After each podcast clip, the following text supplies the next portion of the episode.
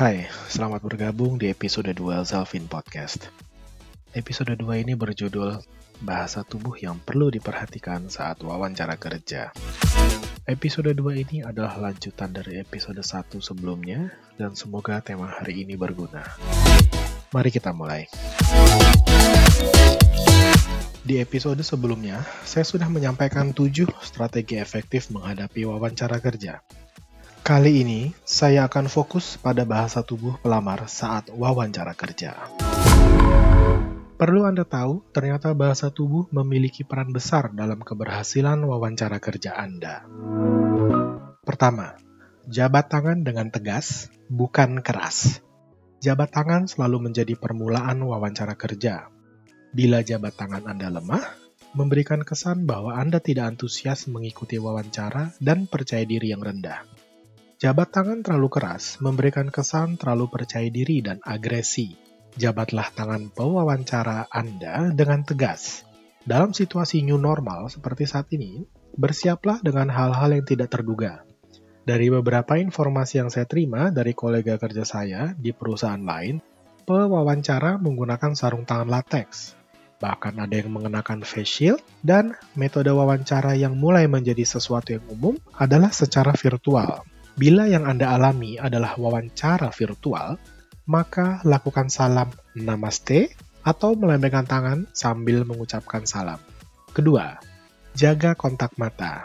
Rasa gugup membuat Anda kesulitan untuk menatap mata pewawancara. Paksa diri Anda untuk menatap mata pewawancara selama proses berjalan.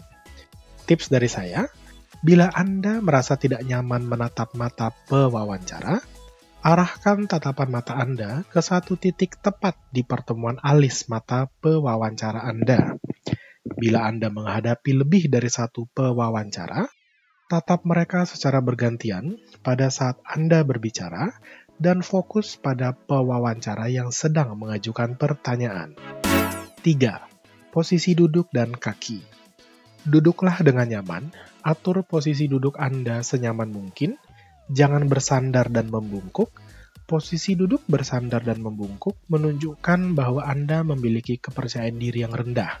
Dan untuk sebagian pewawancara, dilihat sebagai gestur yang tidak menghargai. Jaga punggung Anda lurus, tegak, dan sedikit condong ke depan. Lalu, jaga bahu tidak tegang. Selanjutnya, posisi kaki harus diperhatikan Aturlah agar kaki Anda menyentuh lantai dan tidak menyilang. Posisi kaki yang lurus menyentuh lantai, posisi duduk lurus, tegak, dan sedikit condong ke depan, menunjukkan pembawaan diri yang antusias dan serius. Keempat, gerakan tangan seperlunya. Apakah Anda termasuk orang yang selalu menggerakkan tangan bila berbicara? Bila iya, maka ada hal yang perlu diperhatikan.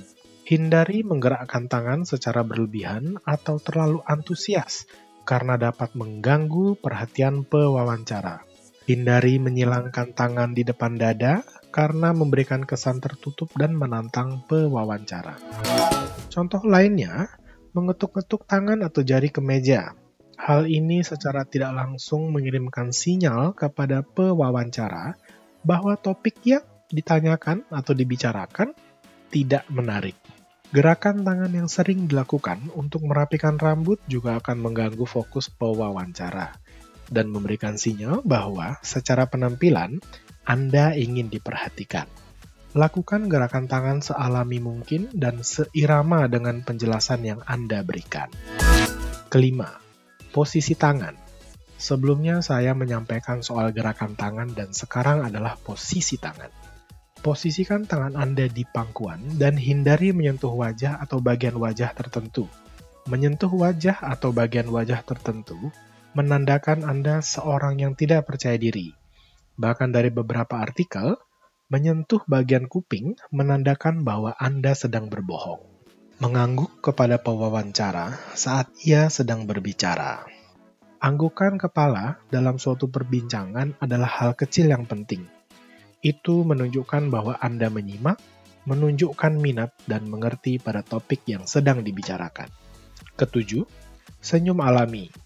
Tersenyum pada saat yang tepat akan menunjukkan bahwa Anda adalah orang yang hangat dan terbuka. hindari tertawa terbahak-bahak, dan sebaiknya jaga agar mimik muka Anda juga tetap alami. Berlatihlah memberikan senyum yang tulus dan bukan dibuat-buat. Itulah tujuh hal mengenai bahasa tubuh yang perlu diperhatikan saat wawancara kerja. Wawancara kerja adalah momen untuk menunjukkan kualitas, keahlian, dan optimisme Anda. Tidak selalu soal kualifikasi pendidikan atau gelar profesional yang dimiliki. Beberapa bahasa tubuh yang baik akan membuat pewawancara Anda mempercayai dan nyaman dengan kehadiran Anda.